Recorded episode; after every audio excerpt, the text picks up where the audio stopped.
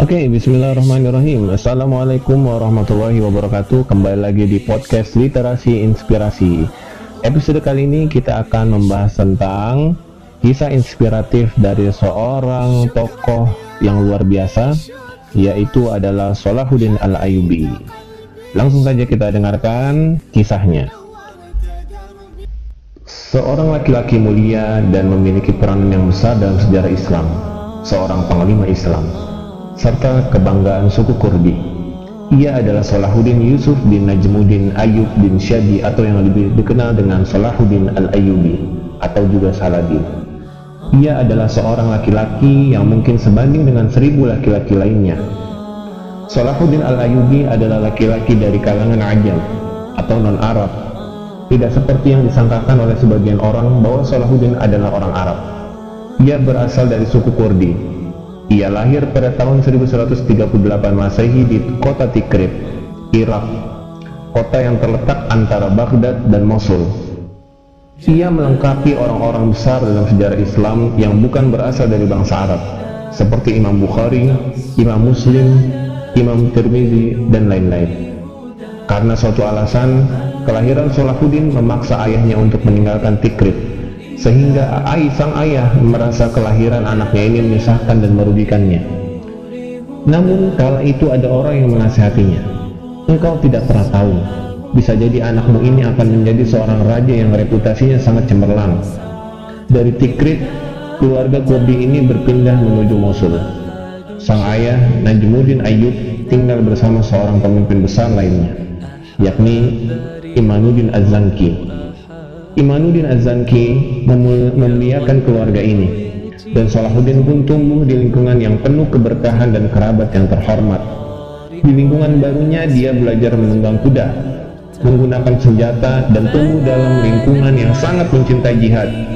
Di tempat ini juga Salahuddin kecil mulai mempelajari Al-Quran, menghafal hadis-hadis Nabi Shallallahu Alaihi Wasallam, mempelajari bahasa dan sastra Arab dan ilmu-ilmu lainnya Sebelum kedatangan Salahuddin Al-Ayyubi, Mesir merupakan wilayah kekuasaan kerajaan Syiah, Daulah Fatimiyah. Kemudian pada masa berikutnya dinasti Fatimiyah yang berjalan stabil mulai digoncang pergolakan di dalam negerinya. Orang-orang Turki, Sudan, dan Maroko menginginkan adanya revolusi.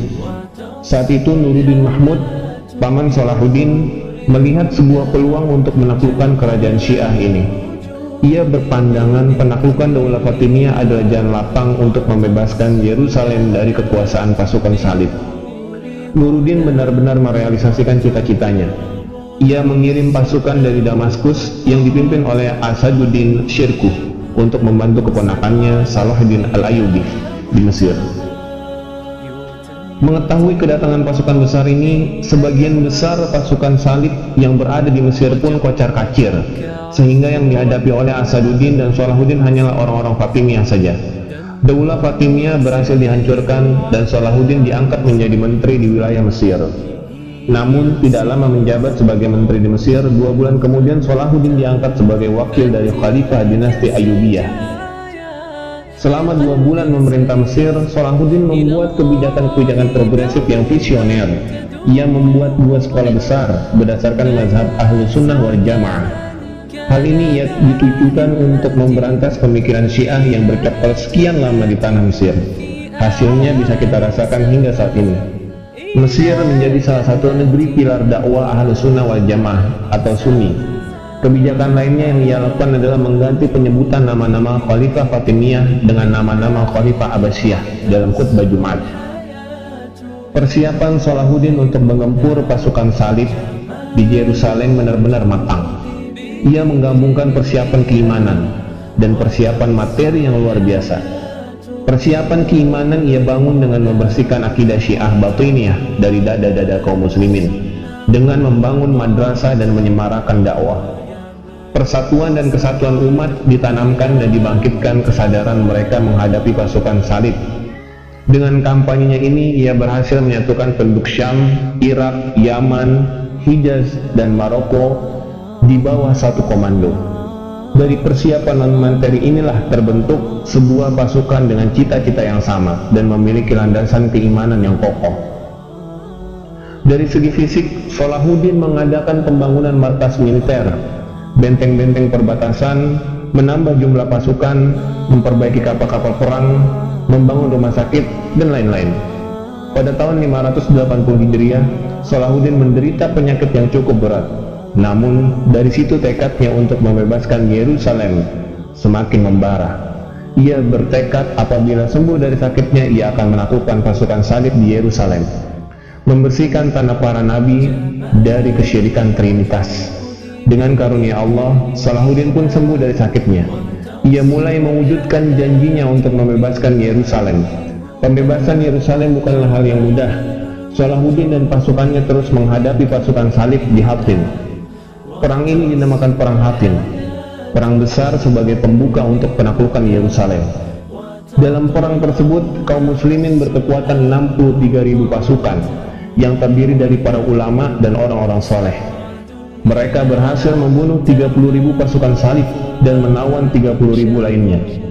Setelah menguras energi di Hatin, akhirnya kaum muslimin tiba di Al-Quds, Yerusalem. Dengan jumlah pasukan yang besar, tentara-tentara Allah ini mengepung kota suci itu. Perang pun berkecamuk. Pasukan salib sekuat tenaga mempertahankan diri.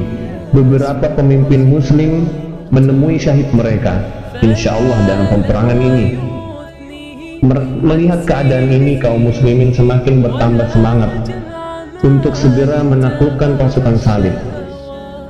Untuk memancing emosi kaum muslimin pasukan salib memancangkan salib besar di atas Ubah As-Sakra Salahuddin dan beberapa pasukannya segera bergerak cepat ke sisi terdekat dengan Kubah As-Sakra untuk menghentikan kerancangan pasukan salib.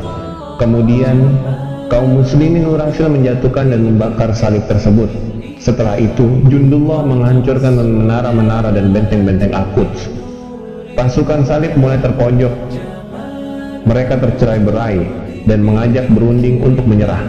Namun, Salahuddin menjawab, Aku tidak akan menyisakan seorang pun dari kaum Nasrani. Sebagaimana mereka mendahulu tidak menyisakan seorang pun dari umat Islam ketika menaklukkan Yerusalem. Namun pimpinan pasukan salib Badian bin Bazran mengancam, jika kaum muslimin tidak mau menjamin keamanan kami, maka kami akan bunuh semua tahanan yang kalangan umat Islam yang jumlahnya hampir mencapai 4.000 orang. Kami juga akan membunuh anak-anak dan istri-istri kami, menghancurkan bangunan-bangunan, membakar harta benda, menghancurkan kubah syakra, dan membakar apa pun yang bisa kami bakar. Setelah itu kami akan hadapi kalian sampai darah penghabisan. Satu orang dari kami akan membunuh satu orang dari kalian. Kebaikan apa lagi yang bisa engkau harapkan? Inilah ancaman yang diberikan pasukan salib kepada Salahuddin dan pasukannya.